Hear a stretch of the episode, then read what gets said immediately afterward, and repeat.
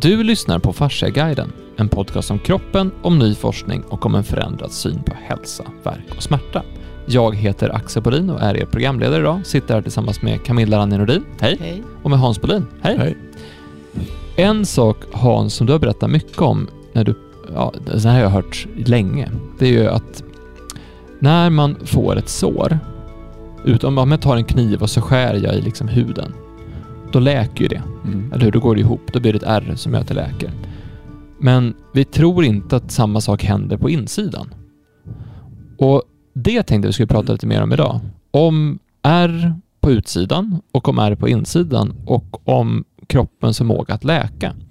Så jag tänkte vi börjar Camilla med att prata om just, alltså just ärr, rent så här, vad händer i kroppen när, när ärr bildas? Eller varför, varför får man ärr överhuvudtaget? Vad är det som händer? Vad är processen där? Och sen så tar vi det och ser vad vi kan lära oss om läkning utifrån konceptet R. Vad tror ni om det? Mm.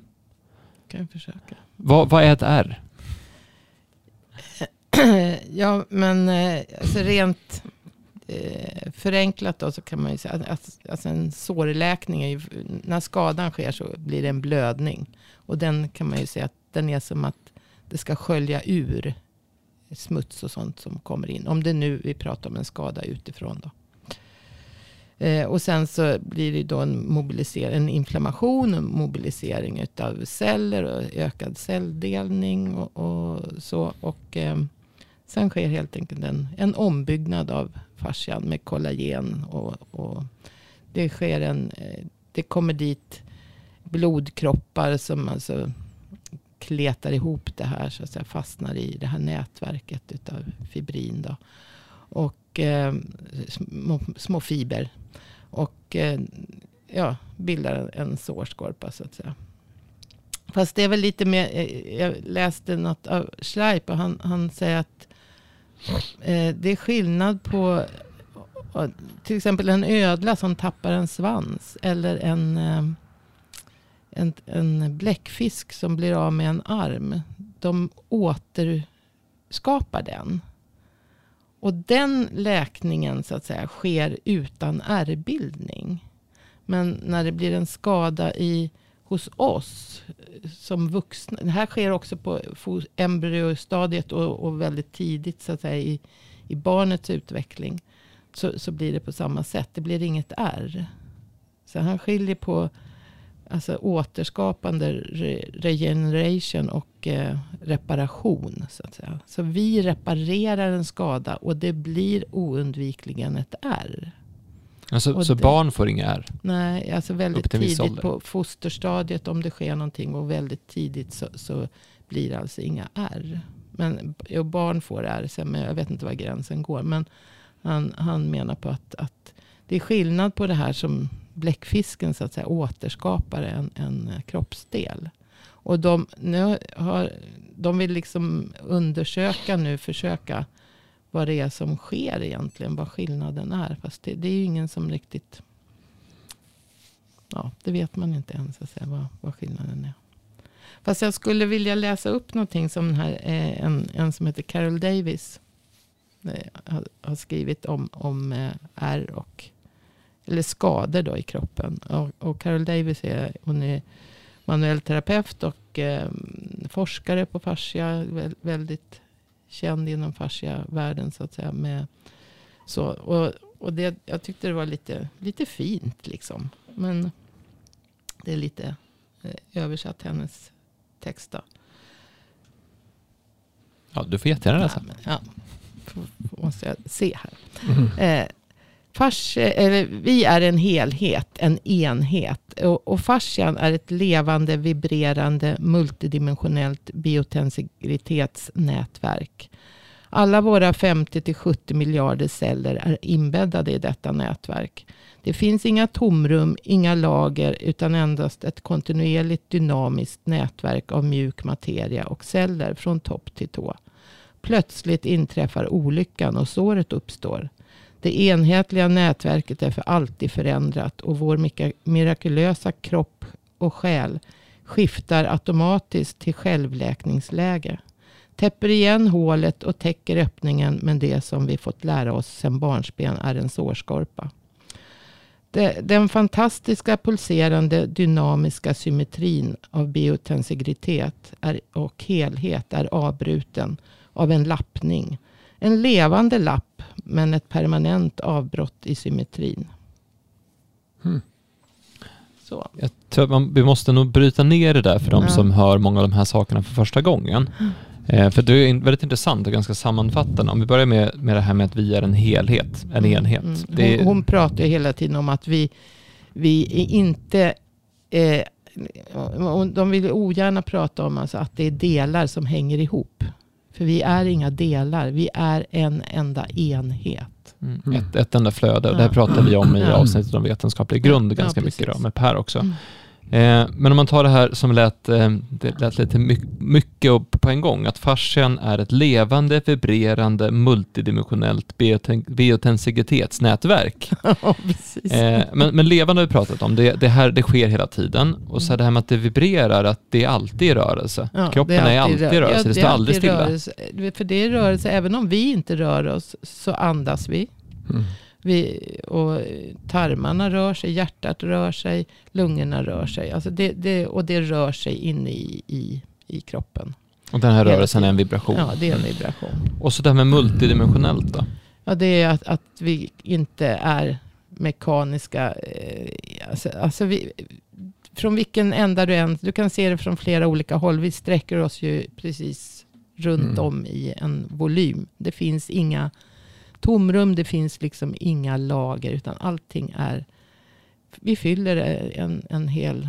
Eh, Jag tror att bland de första grejerna som vi pratade om, om eh, cellens mikrocirkulation eller cellens vibra- vibration. mm. Så den har ju en, eh, det tror jag den, The Matrix alltså i Tyskland säger att den har en mikrocirkulation på 58 hertz. Ehm, och det är ju ganska långsamt men det är aldrig still. Utan Nej, det rör sig hela Det är tiden. Och Eh, just att cellen har det här eh, cytoskelettet, cellskelettet som alltså hela tiden eh, Det som är lite kommunicerar med kärnan. Det som är lite intressant som jag var med om, som du var med också när du stod där för ett tag sedan. Det är att vi fick ett ärr då. Eller vi fick ett sår. Jag höll på att bryta foten. Och om du säger då att, att eh, fascian är ett, en helhet som eh, vibrerar och tar emot tryck. Så får man en extrem belastning om man håller på att bryta foten. Eller Mm. som du fick ett slag. Och i mitt fall var det så att det påverkade faktiskt hela kroppen. Det gjorde för dig också. Mm, mm. Eh, Jag tror det som man inte har tänkt på, alltså utifrån det du säger, multi, att fascian är multi, inte tredimensionell utan multidimensionell. Ja. Men det börjar man prata mer och mer om nu. Alltså det, Det det, det står tredimensionellt på vissa, men, men nu eh, börjar man prata om att det är faktiskt multidimensionellt. För att det är ju inte bara, alltså, tredimensionellt då blir det ju i tre riktningar. Så att säga. Men du har ju även alla riktningar däremellan. Så om du fyller en hel volym så att säga med materia så kan du ju se. Men det är ganska intressant man tar, om jag hade en, en alltså man ser hur allting påverkar. Jag hade en, någon som jag behandlade som hade haft, som hade var det, operera knät, operera axeln, operera allt möjligt. Men hon var ju då sned, olika Mm. långa ben sa hon att hon hade, men hon egentligen var hon ju sned i bäckenet. Mm. som vi pratade om förra gången. Och då har ju en, hon hade ju då en, en historia av att ha en massa sår. Alltså som är skador i knä, skador i, alltså i axel. Och, fast tvärtom, alltså inte höger och vänster axel, alltså höger knä och vänster axel tvärtom. Så alltså så. Det som är intressant var att när man då rättade till det här så man fick balans på bäckenet. Alltså, och bäckenet var rakt. Då hände det ju massa saker i kroppen. Mm. Alltså hon, vart ju, hon hade varit, varit extremt illamående och extremt trött. Och, och, men då ser man också, det, det som är intressant när hon kom tillbaka, det var att eh, hon var rak, alltså balanserad i bäckenet och mådde mycket, mycket bättre. Mm. Alltså, det kändes mycket mer harmoniskt. Alltså hon kände att kroppen var på väg. Hon tyckte det var intressant att, att man kunde få en sån läkningsprocess. Så hon var glad över att det hade hänt, att hon hade blivit dålig. För att hon menade att då hade det hänt någonting. Och det, alltså hon kanske hade haft det där, den här skadan kanske var, den kanske hon haft i 30 år. Alltså den snedbelastning som var och alla ärr som hon hade i kroppen. Och ändå sätter kroppen igång och läker. Mm. Och det gör det ganska fort. När jag fick behandling nu som, jag kunde inte gå på, mån, på måndag morgon och kunde gå på måndag eftermiddag efter behandling utav den här enorma stukningen jag hade. Jag har fortfarande lite ont i foten men inte mycket. Det är tre veckor sedan. Då ser man hur otroligt snabbt det går. Och hur man kan ombilda. Det som jag tycker var intressant med om man tar den skrivelse som du hade. Eller som du sa. Så när du gör en lapp, lappning inuti kroppen.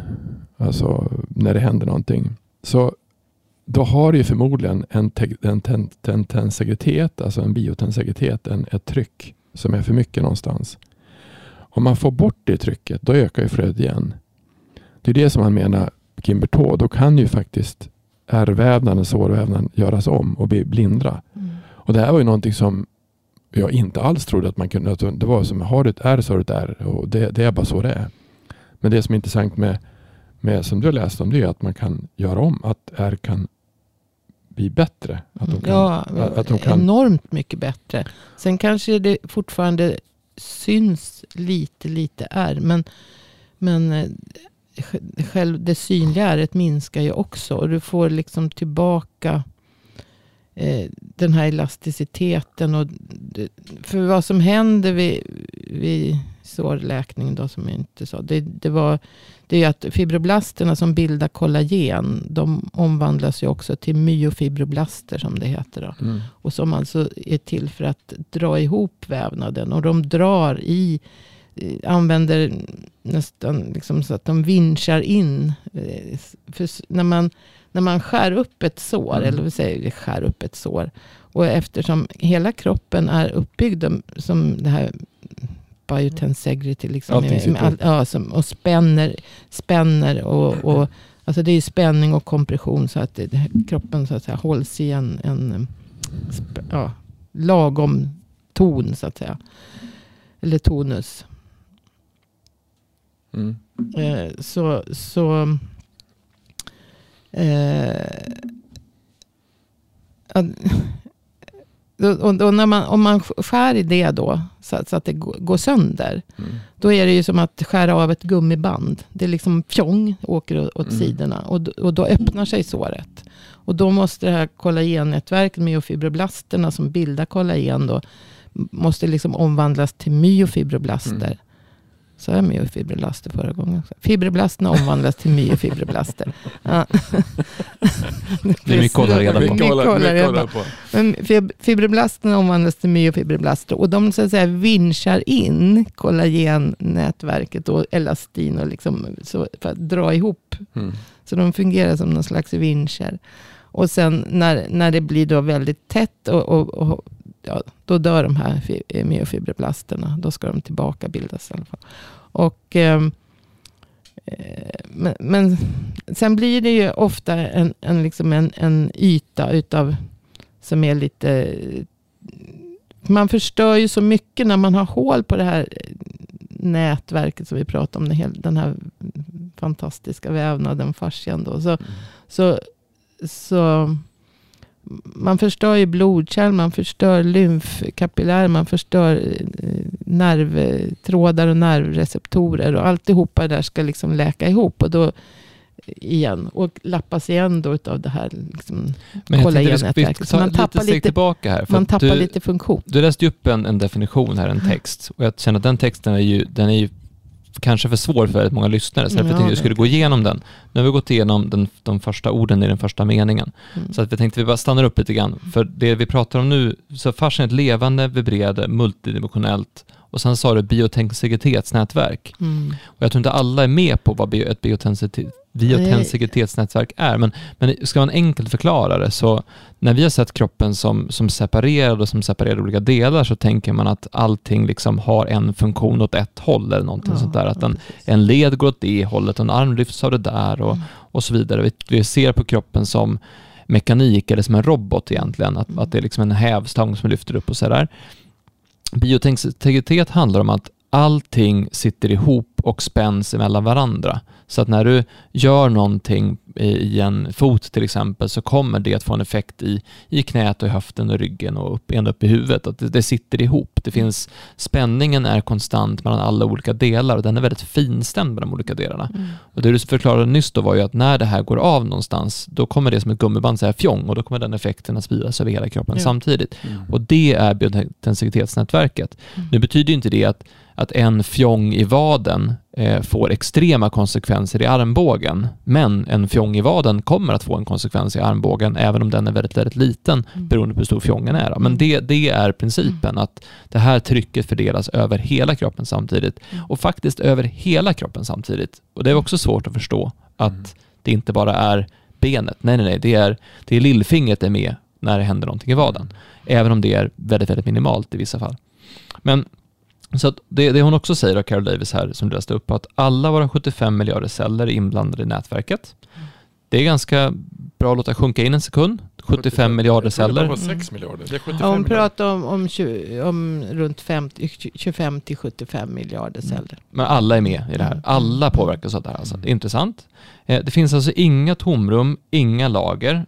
Och det har ju Gimberto visat också. Ja, Forget men- layers. Jo, det är, ju- layers det är ju is, från eh, han. Ja, ja. Nej, precis. Eh, Det finns inga lager, det är bara en bild vi har byggt Mm. av det. Mm. Utan det här är ett kontinuerligt dynamiskt nätverk av mjuk materia och celler från topp till tå. Det är alltså ett, ett det, är, det är mer relevant att likna kroppen vid en karaff med vatten än det är att titta på ett skelett. Mm. Det är liksom mer åt det hållet än det, än det hållet. Det är ju någonting mittemellan, men, men det är mer åt, det är mer, det är mer, vi är mer flytande än vad vi tror att vi är. Och då kommer vi då till, så det är grundförståelsen från kroppen. Kroppen sitter ihop, kroppen, allting är kopplat ihop, alla celler är inblandade i allting. Det finns inga tumrum, inga lager, utan ett kontinuerligt dynamiskt nätverk, ett flöde egentligen. Och då händer då en olycka. Och då, säger, då står det så här, plötsligt inträffar olyckan och såret uppstår. Så då det enhetliga nätverket är för alltid förändrat. Mm. Så att när det kommer en kraft från utsidan, det här är inte bara ett sår, det här måste vara alla krafter va? Ja, Ja. ja. Ja, alltså, för det blir ju... Om kraften är för stor, inte om det är en lagom kraft så, så, så kollagennätverket håller. Men om kraften är för stor, då kommer ju några kollagentrådar att gå av. Och då har du ju en, en mikroskada så att säga i, i vävnaden. Det behöver ju inte alltid vara negativt. Så. Det är väl så, så vi... Just det, så trådarna sitter ihop i en spänning och balans och hela flödet sitter ihop i en spänning och balans. Men när någonting går av någonstans, då är det för alltid förändrat.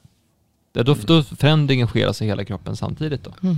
Jag tror metaforen man får titta på det, det, det är att, jag tror att det, det som du sa, den här bäcken som du har hemma. Fast Ja, den är, fast den är omsluten. Vi säger att bäcken skulle vara mer utav att vi är en, vi säger att vi är ett, ett, en, ett, Bäcken och ett, dammen är, Ja, är bäck- kroppen. Ja, precis. Men vi, det är ett kärl, det är ett, ett, Mm. är ett hud runt omkring så det är avstängt. För bäcken är ju inte avstängd, det är ett ekosystem som berörs av allt annat. Mm. Utan vi, har ett, vi har ett filter som finns, som är huden. Så vi har ett eget immunförsvar, alltså eget stopp på det. Så det- öppningen är inte, det är inte ett öppet kärl. Men, men skulle man inte säga att, att, att vi tar en bäck och så gör vi en, en, en hinna runt omkring det. Och i bäcken finns det olika typer av substanser. Det är flöde, men det finns eh, eh, då, då skulle man, det blir mer en sån metafor vad kroppen egentligen är för någonting. För det svåra egentligen är att förstå att det, att det är så. Mm. Att, det att det är ett enda kommunicerande kärl. Jag tror att det, det som är lurigt också när man, man tänker på det, är att alltså, de här sakerna som vi sår kan vara, det vet jag att en del tycker att det är konstigt, men sår kan också vara eh, saker vi råkar ut för. Alltså, Ja, men fy- precis, jag tänkte komma till det. För, för det pratar hon ju också om. För hon är ju väldigt så eh, energimedveten. Så att säga. Så att, eh, eh, just att det, det kan även vara mentala sår invändigt. Ja, för jag, alltså, det som är intressant, jag hade några som jag haft, en del som, det är många stories med som finns om det, men en del har ju blivit sjuka utav ett trauma. Ja. Alltså efter ett trauma som har blivit, det hade väl en, han som hade, eh, jag tror en som hade, en som vi kroppsbalanserade som hade MS, som hade en droppfot. Vi, vi gjorde inte, behandlade inte MS, men vi behandlade kroppen. Som fick tillbaka rörelsen i foten. Och det kom ju av ett trauma. Så det, det är det här traumat som måste titta på hur påverkar de här miljarderna cellerna påverkas av allting på en gång. Mm. Inte bara det som vi tycker är krocken eller slaget eller något annat. Det kan vara saker och ting som är... Och det är lite fascinerande, det är så. Att det kan bli sådana enorma effekter utav någonting som, inte, Mm. som kroppen egentligen inte skulle behöva bry sig om egentligen. Men vi gör ju det. Men även det minsta lilla är.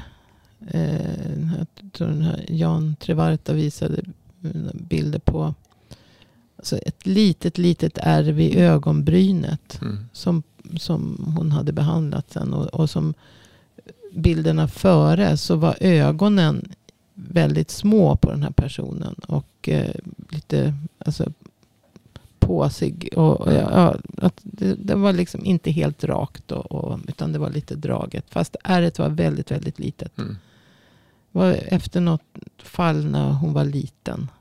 Och, och sen efter behandling så, så blev ögonen raka. Och, och hon menar på att det var liksom, hon behandlade ärret. Och då Mm. rättar hela det här kollagennätverket. Men Till sig, jag, så då, att då tror jag att ärret är tryck. Ja, Alltså, det ja, det ja, ja. Men ja, det har Ja. inte, ja. ja, ja, ja. ja. Det, det, det är klart att det är. Därför, Ja, att, det det, lagrar därför tryck. att det är... Drar det snett så blir det ju ett tryck. ja. Ja. Så Och det- förä- att- att förändrar, man, att förändrar man trycket så kommer man förändra hur strukturen Ja. ser ut. Jo, men Ja. alltså, om det läker fel. Och jag tror också att det här, att, eh, som vi har pratat om förut, att under läkningen, jag vet inte om, om, om det är så som de säger, att det är permanent förändrat för alltid. Utan under läkningen, om, om skadan så att säga hela tiden får belastning och röra sig, Mm.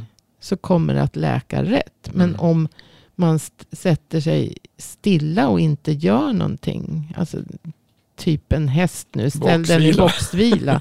när den har en, en skada. Då blir det ett kraftigt fult ärr. Mm. Och vävnaden kommer att bli förstörd för alltid. Så att säga. Mm. Alltså den, ja, det går att rätta till det. Men den kommer att bli.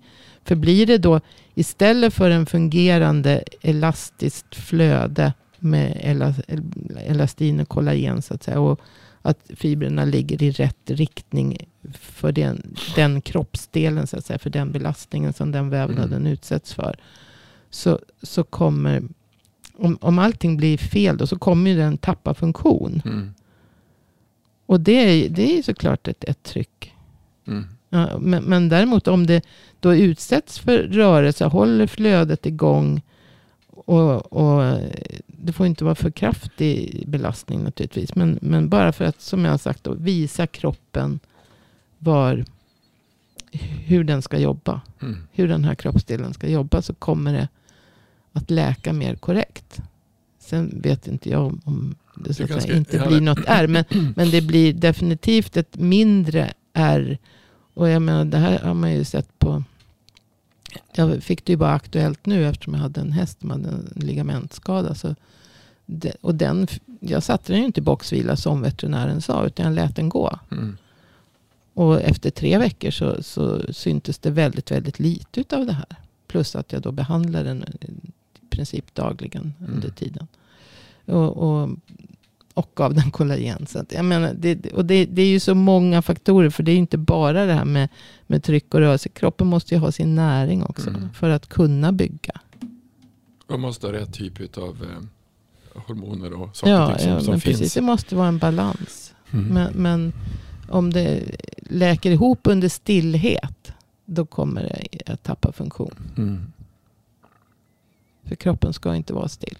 Alltså då slutar ju de här vibrationerna. Mm. Inte sluta, men, men de, eh, det blir för lite. Hur lång tid tar det? Men har vi alltid spjärkat ben som gått av? Finns det något annat? Nu har, vi, nu har man ju stövlar istället man har på. Så man ska röra sig mer. Ja, jag vet inte. Det, beror, ja. det är klart, har benet gått av så måste du ha någon hjälp med. Men, men som sagt, går du in och opererar så, så har du ju, då komplicerar du det ytterligare. Men om så, du om, går in om, och, om benet har gått av, alltså Mm. något ben har gått av. Mm. Då är det ju en enorm tryckbelastning på Mm. ett ställe. Mm. Eller hur? Mm. Om man då skulle tryckavlasta. Alltså spjärka benet med att tryckavlasta det som är. Då borde det läka fruktansvärt mycket fortare. mm. Eller? och eh, menar du spjäla? Ja, alltså, ja men alltså så har vi brutit finger eller Ja, något. Då, då, och, om, och, och man gör det utifrån, för då gör man det utifrån. ja, men om man skulle det spjärna det först, upp. man stagar upp det Ja, och så sen så skulle man tryckavlasta allting som är i närheten. Då skulle ju, borde läka mycket, mycket fortare. Ja, alltså går du in och opererar som, som man gör det, då, då stör du ju ännu mer utav den här. Och får ännu mer problem. Mm, Då får du ett R till så att säga. just det. Och sen så är det ju också vanligt att man när det blir fula ärr som kanske man har ont utav. För man kan ha ont utav därför att eh, de här fria nervändarna klumpar ihop sig och, och liksom läker ihop fel. Och då, då Mm. blir det ärret väldigt känsligt. Och, och sen så blir det väldigt mycket så kallad fibrös vävnad. Då går man Mm. in och opererar igen för att rensa bort det här. Mm. Och då, det blir inget bättre. Nej. Det kanske blir tillfälligt bättre. Men sen så kommer det ärret i, sin tur. Att, att liksom behöva läka på Mm. ett korrekt sätt. Och, och, och stör då. Jag träffade där, eh, sån där, Så, så lite operation som möjligt. jag träffade den där finska kirurgen när jag var med morsan och spelade golf i Spanien som jag berättade någon gång. Som hon sa att det där är en, vi skulle spela golf, mamma skulle följa med och så sa hon, var det två stycken finnar och sa han, de där är läkare. Jag sa, ja för det, hon kan engelska. Men Så, så är det inte så kommer få, få håret och säga, vad gör du? I'm a surgeon, sa han. Han var kirurg. Och så berättade, så jag pratade med honom om fascia och så sen så, och han vart ju helt, vadå fascia? Det, det, det, det jobbar jag med varenda dag. vadå för någonting? Och då berättade han på, eh, han funderade mycket vad, vad, vad jag pratade om. Och då sen berättade han att det de hade gjort då, det var att eh, från början så, så sydde man mycket vid höftledsoperationer. Men då hade de en teknik som att man sydde så lite som möjligt. Och ju mindre man, man sydde, ju mindre ärrvävnad, ärrvävnad fanns det när de öppnade och bytte. För de byter höft sen efter 20 år igen. Och Mm. då fanns det ingen ärrvävnad. Om man har sytt lite. Det är väldigt intressant. Ja. Då är det, det här, då är det här, då är det här gum, vad kallar du det för? Ja, men det är ju, Vinscharna, då är vinscharna ja, igång. Precis, ja. Och så gör de automatiskt hur det egentligen ska se ut från början. man, kan ju, man kan ju hjälpa dem på traven genom att tejpa ihop det. Beroende på hur stort. Såret är, Ja. mm. För då blir det elastiskt istället. Mm. Och, och sen så tror jag att man ska, man ska försöka vara där och, och röra på det. Alltså är Mm. det hud så ska ju den ha, den ska ju röra sig. Den får liksom inte fastna i, i stillhet. På, Mm. För det blir ju, under läkprocessen blir det ju väldigt oelastiskt. Så att Mm. det växer in väldigt mycket kollagen. Så kroppen är egentligen ett, ett enda sammanhängande nätverk. Där alla, där, och det som är intressant med den här strukturen är att den är väldigt flexibel så att den ändrar sig i storlek och den ändrar sig i form och trådarna bygger om sig och kastar om sig beroende på vad vi utsätter den för. Så att den, den är väldigt elastisk och rörlig den här, den här strukturen. Den är absolut Mm. inte statisk på något sätt överhuvudtaget. Så det som händer då när man får ett sår, både på insidan och på utsidan, det är samma process, eller hur? Mm. då bildas det ju så småningom extra mycket kollagen där. Så det blir som en kollagenklump eller kollagensträck eller kollagenförtätning. Så där, där är det mer kollagen och det ser ju vi på utsidan som är. Mm. Om den klumpen finns, då blir ju det området, oavsett om det är stort eller litet, så blir det området mycket mindre elastiskt. Ja.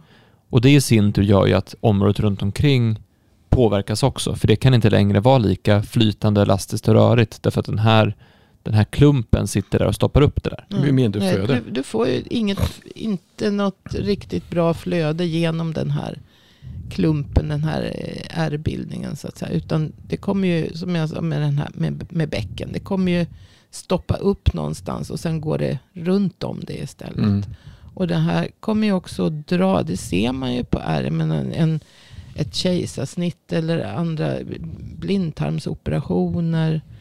Så, Mm. sånt. Det, det blir liksom ganska rejäla ingrepp i, även, till och med en laparoskopi gör ju enorma ingrepp. Du, du blåser upp och, och? Alltså det är när man går in med en sån här titthålsoperation. Ja, ja. Som då ska ge liten inverkan på kroppen. Och vara liksom en, en snäll metod. Men man blåser in. Jag menar du gör Det är sex år oftast. Det är sex år man går in med. Ja, jag vet ju inte. Ja, jag tror det är det. Ja, men, men en- sex det är fyra eller sex. Eh, Ja, ja, strunt samma. Man, man går in med ett litet hål i alla fall. I ett litet hål. Och man blåser upp eh, vävnaden. Lite som Gimbertaux fick göra för att kunna filma i kroppen också. Och, och in med ett endoskop, alltså med ett, ett Mm. fiberoptik med kamera. Eh, så, och för att då titta och, och försöka. Ja, sen måste man ju, man har ju den, den, den utrustningen. Sen måste man ju in och, och, och liksom pilla ihop vad det nu är man ska operera också. Mm. Men, men så, så man går ju in med instrument liksom i kroppen och det förstör ju också det här kollagennätverket. Så det Mm. kommer ju bli ett ärr oavsett. Och Mm. man förstör. Och de här, det här drar ju, det kommer ju att dra snett någonstans. Och man Mm. ser ju det på, och ju större, större är ju större påverkan såklart. För ju större område som tappar flöde. Mm. Och sen, men även att små ärr kan faktiskt eh, påverka. Men framförallt sådana här stora på, i buken och, och ryggoperationer också. Som kan göra att ryggkotor blir helt obalanserade. Alltså helt eh, onormal belastning. Eh, Inte naturlig belastning som, som de ska Mm. utsättas för. Så att säga, utan, och, Alltså- och alla leder påverkas. I. Mm. Men jag tror att om man tar det som vi pratade om förra avsnittet om bäcken. Om, om, om det är obalans så får du ett obalanserat flöde. mm, Då får du Ja. egentligen, då kommer du bygga ärrvävnader. Då kommer du bygga strukturer som är inte flöde i och som är förtätade Mm. för att skapa det. Jo, det, det är ju också en, en typ av ärr så att säga. Om, om du får först en förtätning som, För det- då det- går, som sen då blir en fibros. För det som, är, är- det som är intressant med några av de här som jag jobbar med nu, de är ju, det, det är precis som att ärrvävnaden, alltså där man har varit skurit, där har man byggt upp en egen struktur in i strukturen. Alltså ärret är inte, det är inte, det är tredimensionellt. Ja, Det går in. ja, det är multi. Multi. Men det som är lurigt är att det är precis som att kroppen, för att det här flödet inte är bra, så har kroppen skapat en annan struktur inuti för att balansera upp det som är skuret i. Mm. Så det är precis som att man har fått en egen Men det är som en omledning av trafiken. Ja, precis. Ungefär som, ja, precis. Som, som, ja det blir Man konstigt. stänger av en motorväg och så får alla ta vägen Ja, runt. det blir en jädra massa småvägar runt omkring istället. Mm. Ungefär så ser det Mm. ut. Mm. Och, och det, det var, det man får ju vara lite påhitt om man, om man råkar ut för det. För, och då, då sticker det iväg den som har behandlats. Nu far det dit upp och nu far det dit. Mm. Nu far det upp i huvudet och nu far det dit. Mm. Och, då, och, då, och då förstår man att flödet som man har fått och det är så begränsat inståndskraftiga som du tar. Det här var ju kejsarsnitt då. Det är ju rätt vital del i kroppen. Bäckenet. Alltså, Precis. typ. Och det, det, alltså tittar man på den personen så kommer garanterat se helt osymmetrisk ut. Om man, Ja. alltså med, med, om man tittar på en utan kläder. Så, man, så ser man liksom hur den ena eh, midjehalvan så att säga drar iväg åt ett håll. Och så Det ser man, ju, det, ser, ser- man, det ser man med kläder på Ja, också. jo, det gör man. Men om man ser det jättetydligt om man tittar liksom utan. Så man, man ser ju precis och man ser hur skinnet drar iväg och vad, Ja, vad gör det då exakt. inte där inuti. Ja. För det är ju, jag menar det är ju ett djupt snitt som går ända in i. För när jag berättar för, alltså vi har en läkare som jag eh, behandlar ibland, så berättar för att vi håller på med, med sår, alltså sårvävnad och sårbehandling och, och, och, i buken. Och hon sa att det, kan ni göra det? Det är, det är fantastiskt för det blir väldigt, hon är kirurg, det blir väldigt mycket saker när man opererar Mm. som är Mm. svårt att, alltså konsekvenser som är efteråt. Mm. Och jag tror att precis på samma sätt som man sa att som vi gjorde med artros läker lika, alltså brosk läker lika fort som muskler. Det är som, jaha, kan det vara så? Att det Mm. är, kan man förändra ärrvävnad? Ja, det kan man. Mm. Jaha, vad häftigt. Och egentligen tror jag att det som är, när vi pratade förra avsnittet som vi hade om bäcken, ett snedställt bäcken får enorma konsekvenser i hela, i hela strukturen. Ja. Därför att den är så enormt vital. Vi går på två ben. Eh, du, får en, alltså ett snett, du får en obalans i, förmodligen i tårna. Eh, så du kan få hallus valgus. Du kan få, det får ju män också därför att det är fel. Mm. Du kan få problem med urinen. Du kan få problem med allt möjligt. Som är, Ja, så hela nervsystemet och alla inre organ Mm. påverkas ju. och att, man inte, att, att, det, att det är rocket science att förstå det. Det är ganska märkligt. Att man inte förstår att, att balans och hållning har den konsekvensen på hela apparaten. Men det är ju också ett exempel på det här med att vi, att vi tänker i, i delar och funktioner istället för helhet och flöde. Ja. För att om du tar, vi, vi tittade på, eh, i dokumentärfilmen som vi snart kommer att lansera, Mm. då har vi ju en, en, ett avsnitt med en kille som är ultraljud. Just det. Och han tittar då på, ja men han tittar med ultraljud i kroppen och ser hur det ser ut. Och det intressanta som han säger att du ser väldigt tydligt om personen är frisk, alltså hälsosam eller inte. Mm. För det finns 19-åringar som kommer in som har en fascia som ser ut som en 60-åring och det finns 60-åringar som kommer in som har en fascia som ser ut som en 19-åring. Så att, Typ. så att Alltså även. Så även livsstil, men hur, hur trådarna Ja. sitter ihop, Ja. hur, hur, hur lagren glider, hur flödet är i kroppen. Mm. Så att även livsstilen kan påverka, för det blir ju också inte en typ, det är inte ärrbildning på samma sätt, men det blir en typ av, av störning av det här flödet som är i kroppen. Mm. Och, det, Ja. och det intressanta är ju någonstans att det vi, det vi har sett med Biotensegrity som, som finns på Fascia-guidens sidan Biotensegrity, Mm. då, då tittar man också på hur, hur en sak är okej, två saker är okej, men tre, fyra, fem, sex, sju saker, Mm. då blir hela strukturen problematisk. Så att inte, det är sällan en sak som gör att du får problem, utan oftast är det en kombination av flera saker under lång tid. Mm. Och det kan, vara, det kan ibland ta lika lång tid att reparera någonting som det har tagit att någonting ska bli Mm. fel. Så om man då tar en, ett R då, vad gör man? Alltså, vad man gör? vad, vad man gör? Vad gör man? vad gör man? Nej, men alltså, jag har ju provat, jag vet inte vad hon gör den här äh, engelsman. Eh, kan- Ja, men alltså det som jag tittar på, alltså hon jobbar tar, med, med mjuk, Ja. mjuk, mjuk, mjuk handpåläggning. det som egentligen Åke gjorde, alltså han som är lärare, han gjorde en grej som, jag skickade en, en kvinna till land som hade en nyfött barn, en ganska nyfött barn som hade, eller typ ett halvår och sådär, som hade ögonen gick åt varsitt håll, alltså väldigt vinnögd. Och han släppte ju trycket i skallen, alltså i, i, i, i, skallen, eller huvudet. Eh, och efter en kort behandling så var ögonen rak. Mm. Och, och det, det, är ju, alltså det är en typ av sårbehandling som kan vara. Alltså när du fått, som hon sa egentligen, ett ärr som gör att ögonen är för små eller tittar åt fel håll. När, man, när vi har gjort ärrbehandling som vi gjort nu så då, alltså då är det mera eh, kejsarsnitt som man tittar på. Och då har jag satt, då använder maskinen och händerna. Så jag har maskinen så jag sätter den på, på till exempel på, på höften så jag får en rörelse i höften så hela hö- höften börjar röra på sig.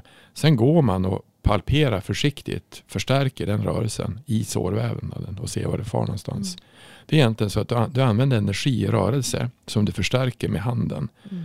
Eh, som en, det blir som en vattenslang nästan. Alltså du, ska, du, du förstärker rörelsen med bara ett lätt, lätt tryck.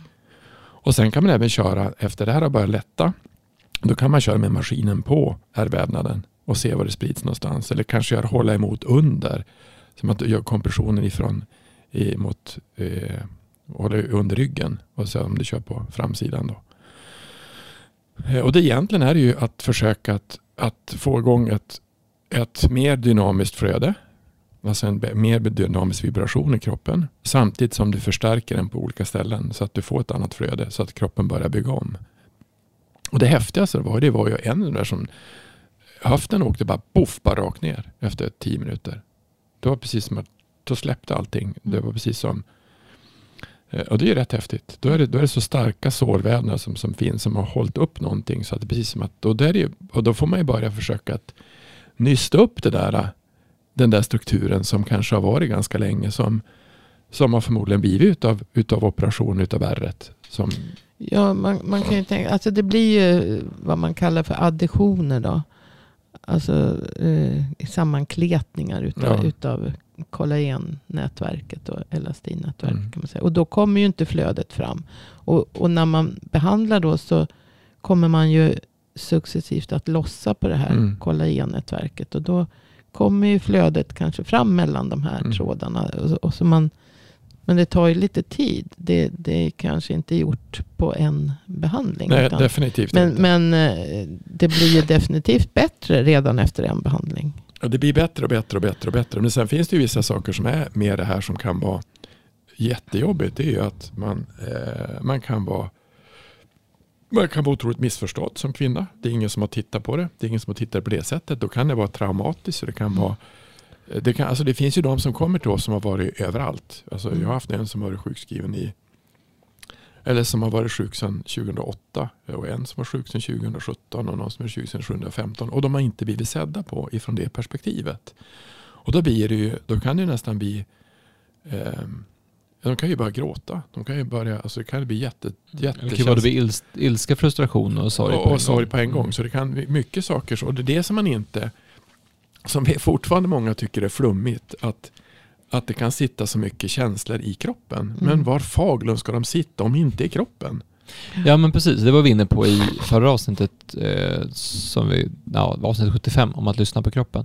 Eh, det som är intressant, alltså vi, någonstans har vi pratat lite grann om att ja, men, saker har upplevt, minnen, känslor, händelser, det sitter i kroppen. Ja. Alltså det, det, det, det var som Per sa, var skulle det annars Ja, vara? det, verkligen. det, det, det är liksom, det, det, vi är i kroppen och kroppen är här.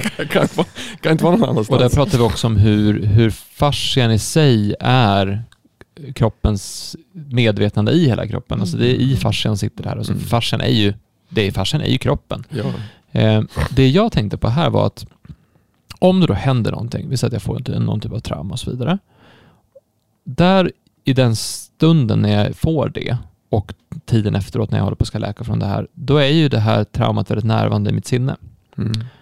Så frågan är, kan det till och med vara så att det rena traumat faktiskt sitter i, i det ärret till och med? Alltså att ärret i sig lagrar minnet av det traumatiska som har hänt. Mm. Så att om man får bort ärret så kan man få bort det traumatiska som har hänt. Eller om man får bort det traumatiska som har hänt så kan man få bort ärret. För det måste ju funka på båda håll tänker jag. Mm. För jag tänkte så här, jag har, jag vet inte, hur många ärr har ni? Det var några stycken. okej. Jag är opererad för blindtarm. Alltså jag har, jag har tre, tre stycken där, tror jag. Eller tre stycken grejer, In, inte mer. Jag har en i huvudet när jag dök när jag var liten. Den är helt borta. Jag har, ju två, jag har två stygn i huvudet. Men alltså det, jag, jag, När, när du dök och trodde det var... ja, det, det, det är en annan historia, det är en lite kul historia. Och för sig, jag, jag hade varit ute på några, jag var tio år gammal och hade varit ute på några kompisars landställe och då hade de en strand som var, det var väldigt djupt, väldigt fort så man kunde springa, hoppa jämfot och sen dyka och göra massa tricks liksom så här. Och så sen så var vi på en annan strand en vecka senare och då trodde jag att det var jag, jag, alltså kroppen trodde att det var samma princip där, så jag gjorde exakt samma rörelse. Jag sprang, hoppade och dök. Det var bara det att det var två decimeter djupt. Långgrund, så det var, det såg så, det var så det dumt. kunde ha gått väldigt Det illa. Alltså grejen är att det var ju, det kunde inte ha gått så illa för det var ju en sandstrand. Så att det är liksom så här, jag dök ju, Ja, där det var platt, liksom. Ja. Vet vilka kompressioner det ger. Ja, ja, hur som helst så, så blödde det från skallen. Jag fick åka in och sy två stygn och så sen så var det lite sådär. Men, men det var, det var för, nog inte värsta skadan. det var lite, nej precis, det var väldigt dråpligt eller väldigt tur. Men jag var tio år gammal, lite dum sådär. Men, men hur som helst, men de, de, det, det är är borta. Eh, men sen har jag två intressanta saker som jag tänkte ta upp här som, som case då. Mm. Eh, den ena är så här att jag, eh, min hund och jag hamnade i en väldigt jobbig situation med en annan hund i en hundratsgård en gång. Eh, och det var en hundägare som var, he- hon var helt borta. Alltså han hade ingen koll på sig själv, hon hade ingen koll på sin hund och gick bara in och, och min, min hund kan vara lite känslig mot andra hundar. Hon bara gick rakt in så här. Utan att säga någonting. Så här, är det okej? Nej men det är inte så bra. Okej, så gick, gick hon in. Och så sen så, och han hade ingen koll alls. Och då säger jag att min hund blir liksom rädd och orolig. Han börjar liksom närma sig. Jag tänker, ah, okej, han kommer nog bita den här hunden. Därför det är liksom, han är riktigt obekväm med det här. Eh, och hon var totalt borta så här. Så då bara, ah, okej, okej, jag måste, jag måste ta bort min hund därifrån så det kan hända någonting. Så jag tar upp min hund, vilket man absolut inte ska göra. Men jag var inte alls, man ska ju trycka ner dem, man ska inte ta upp dem tydligen. Eh, hade ingen koll på det. Så jag tog upp honom och så sen så, och då i sin liksom frustration och, och sådär så bet han mig i armen. Och Din- din- min hund bet mig i armen. Och hon bara så här, går det bra det här eller? Jag bara, ja, så här, gick jag bara därifrån för jag tänkte det här är ju helt så här. Så det var en väldigt märklig situation. Eh, och det är ett har jag kvar. Det är på min eh, arm här. Har jag två stycken bettmärken från, från honom. Mm. Men sen den stunden har jag alltid varit lite, inte, inte rädd men lite orolig kring att han ska göra någonting sådär. Och då är frågan, sitter den känslan i ärret? Sitter den i mig eller sitter ärret i den? Så om jag skulle behandla mitt ärr nu, skulle jag bli av med den obehagskänslan som jag känner då? Vad tror ni? Kan det vara så att den sitter kvar i den? Eller att... Eller Vad, är att det som, vad, är det som, vad, vad är det för obehag som är i känslan? Att du inte litar på honom så. det är lite, Jag, jag måste ja. säga, jag känner precis samma sak efter jag fick den här hästen över mig. Ja, Det, var, det, var, det var ju eh, i juni. Och han, det är en tvååring. Han, så jag menar tvååringar, det är, unghästar är unghästar. Men han är ju otroligt social och går hela tiden efter mig. Och, och ska liksom mer kelsjuk än, än matintresserad. Så. Mm. Och ha, har varit, alltså jag har alltid varit väldigt, väldigt förtjust i honom. Men, men eh, efter det där så blev jag väldigt reserverad. Och det har han känt. Så att han har blivit ännu mer pockande på uppmärksamhet. För han undrar liksom, varför bryr du dig inte om mig längre? Och, och jag, jag menar, jag, när, när han är, alltså jag går, jag håller ogärna på med honom när han är lös på det sättet som jag gjorde då den gången när jag fick honom över mig. Men, och, utan jag är väldigt reserverad. Fast jag känner, det börjar försvinna lite nu. Och jag har ju ganska bra ärr kvar här. Alltså det, Mm. de är, ju- det, det är inte så mycket men det, det, de gör ont. Nej, för, det- Alltså, för den där det- känslan är inte... Ja, sen så, eh, så eh, tar man ju över och liksom blir lite mer logisk och tänker så här, du tar in det där och blir så, så att det, Mm. Men det är just första instinkten som kommer och den, den är ju så svår. Det är svårt att göra någonting åt en instinkt som kommer eh, ögonblickligen i en situation som man är i. Det är inte säkert att det där r som du har där. Alltså det, det är inte säkert att det sitter där. Det kan sitta någon annanstans längre upp. Mm. Alltså där kändes inte som att det satt där. Utan det satt längre Ja, upp. men jag, jag, sen det där hände så har jag ju fått ännu sit- mer ont Det sitter i axeln, alltså där någonstans. Ja, där det tog emot det. För att För, det för som att är, beskriva det som Hans pekar på, så jag har två stycken små tandmärken mitt Ja. på, eh, över, alltså på, på underarmens övre del Mm. Mm. eh, på vänster arm. Mm. Så att, men då är de, det- enligt det vi pratar om idag så skulle alltså de här två små prickarna nu här, de ska egentligen ha skapat en effekt då över hela armen. kanske eftersom det upp till axeln, hål, kanske hål ner till. in i, kollagen. Precis. Det kan det kan så till och sitta i bröstkorgen. Så, så, Så jag tror att alla de där sakerna som är, att de, de, det man är med om, det, det lagras i kroppen. Eh, sen är frågan eh, om man tar bort det där, alltså man, vad är det för någonting som man inte vill vara med om? För egentligen är det ju, eh, egentligen är det ju att man inte accepterar det som hände. Eh, alltså någonstans att man tycker det var obehagligt. Eh, och för kroppen är ju ingenting obehagligt på det sättet egentligen. Det är som hästen, han, han, han som for över dig. Han vart ju rädd. Det är klart Ja, man, du, ja. du, man var ju rädd morsan. Jag, jag råkade landa på dig. Vadå, vad är problemet? Vi, det var alltså, typ, har, du dog inte. alltså du dog inte. Vad var problemet? Jag var skiträdd. Det var något som hände. Det var, var en fluga som var här. Jag var bara så här. Och sen så, så de har ingen, de har ingen så här, varför håller du på så här för? Samma sak var Mm. din hund. Den vart ju, varför tog du upp mig? Jag kom ju för högt upp. Jag var, det var obehagligt. Jag var tvungen att göra någonting. Så att det är vi som fastnar i rädslan att det är obehagligt och, och, och att, att man inte känner så kontroll över händelsen eller vad det är för någonting. Du, det, det är mer, I dig känns det som att jag ska ta bort den. Alltså det, var ju, det här är inget roligt. Det är ju, nej, så, nej, så tänker men det är, ju- det är Nej, lite nej, obehagligt. nej, det är lite o, Nej, det han, nej, alltså jag har börjat återgå till att ke- kela med honom. Så att det, Nej, men man får titta, så att jag tror att man får titta på eh, sådana händelser kan ju, eh, alltså antingen så det är inte så farligt, men Eh, på, precis på samma sätt som, som allting annat så det är ett kommunicerande kärl. Och, och, och det är klart att eh, om, om vi inte accepterar det, alltså vi inte tycker, vi tycker att det är obehagligt, vi tycker att det är någonting som är, eh, det, det, det tror jag kroppen har, rent som livsmässigt har den svårt att förstå. Eh, egentligen, alltså rent om du tänker kroppen utifrån, alltså varför, varför, varför gör du så här? Varför, för vi, vi, dör, vi dör ju nu. För, för det dör ju celler hela tiden. Det skapas nya celler, det dör celler, det skapas nya dör celler. Och det enda kroppen tror jag egentligen, alltså mer filosofiskt, är att vi ska vara här, närvarande här och nu. mm. I inget annat. Och det är därför... så att, men det är inte säkert att det där... är- Men vissa sådana saker som är traumatiska eller som är... De kan faktiskt fastna i kroppen. Och, och då, då blir det som att då måste de... Då måste man som släppa det. Alltså släppa den typen utav, utav och gå vidare. Ehm. Och det kan ju låta jätteflummigt. Men, men det är precis som Per sa, var ska det annars vara någonstans om det inte är i kroppen? Ja men precis, och det är precis som det här med minnen. Alltså, va, Vad är det? var Ja. lagras minnena i kroppen om inte i vattnet? Alltså, Ja, det, eller hur? det, Men alltså om, man, om, man, om, man, vi säger att om jag satt och, om jag, om jag brukar spela sån här gamla 80-talsmusik ibland, ja, då är man ju där. ja. Alltså spelar jag Kid Crawl under Coconuts då är jag på universitetet i Umeå och då är det fest. Så, då blir, och det blir, det blir jätteintressant. Eller som man, det finns ju som dofter man kan flytta en långt tillbaka. Alltså man är sju igen. Därför man känner någon doft av någonting. Mm. Så det är klart att det lagras i kroppen. Eh, var annars? Hur nära var den andra hunden när du lyfte upp din? Ja, precis bredvid. Ja, okay. Jag tror att han, han kanske kände också att han tappade. Dels blev han väl kanske chockad. Ja, men det- det- och, och det var sen, ju- så det vet tappade, jag. sen tappade han ju kontrollen när, när du lyfter upp han. Ja, men precis. Det var helt fel agerat om man säger så.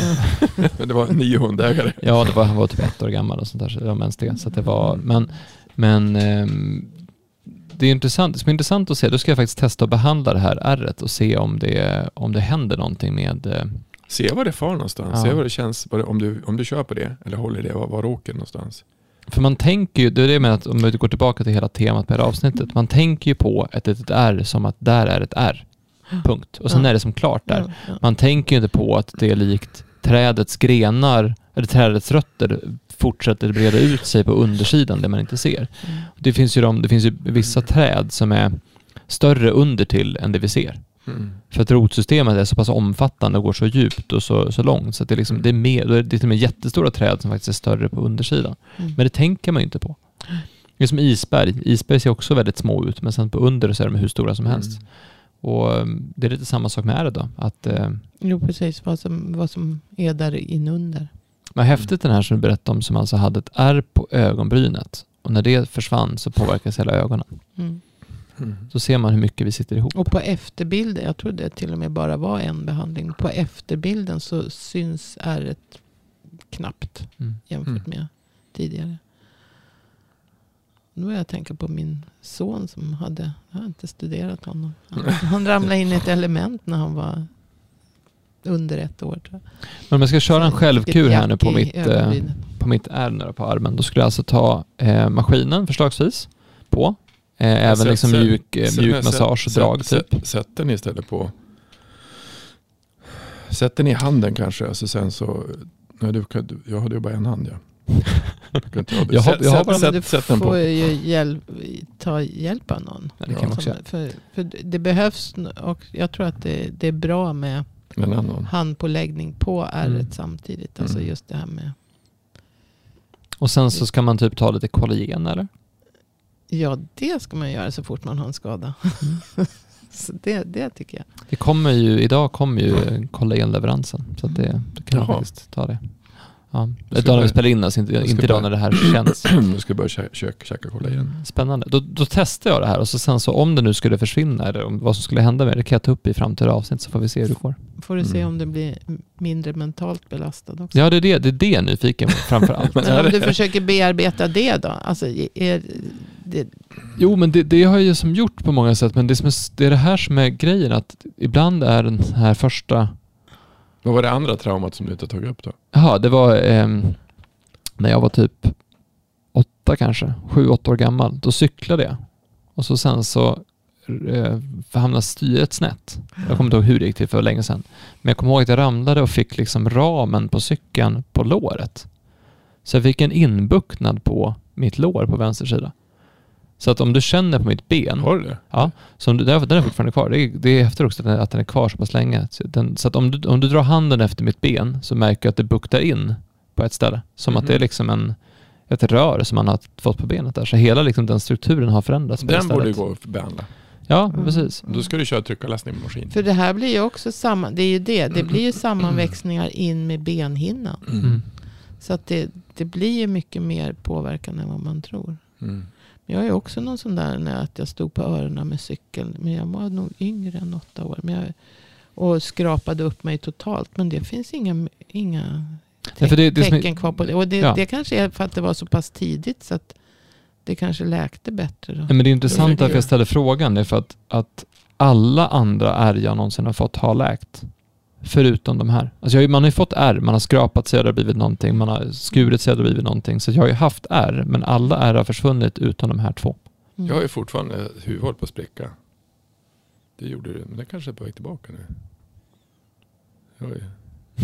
Det var lite konstigt. Fontanell.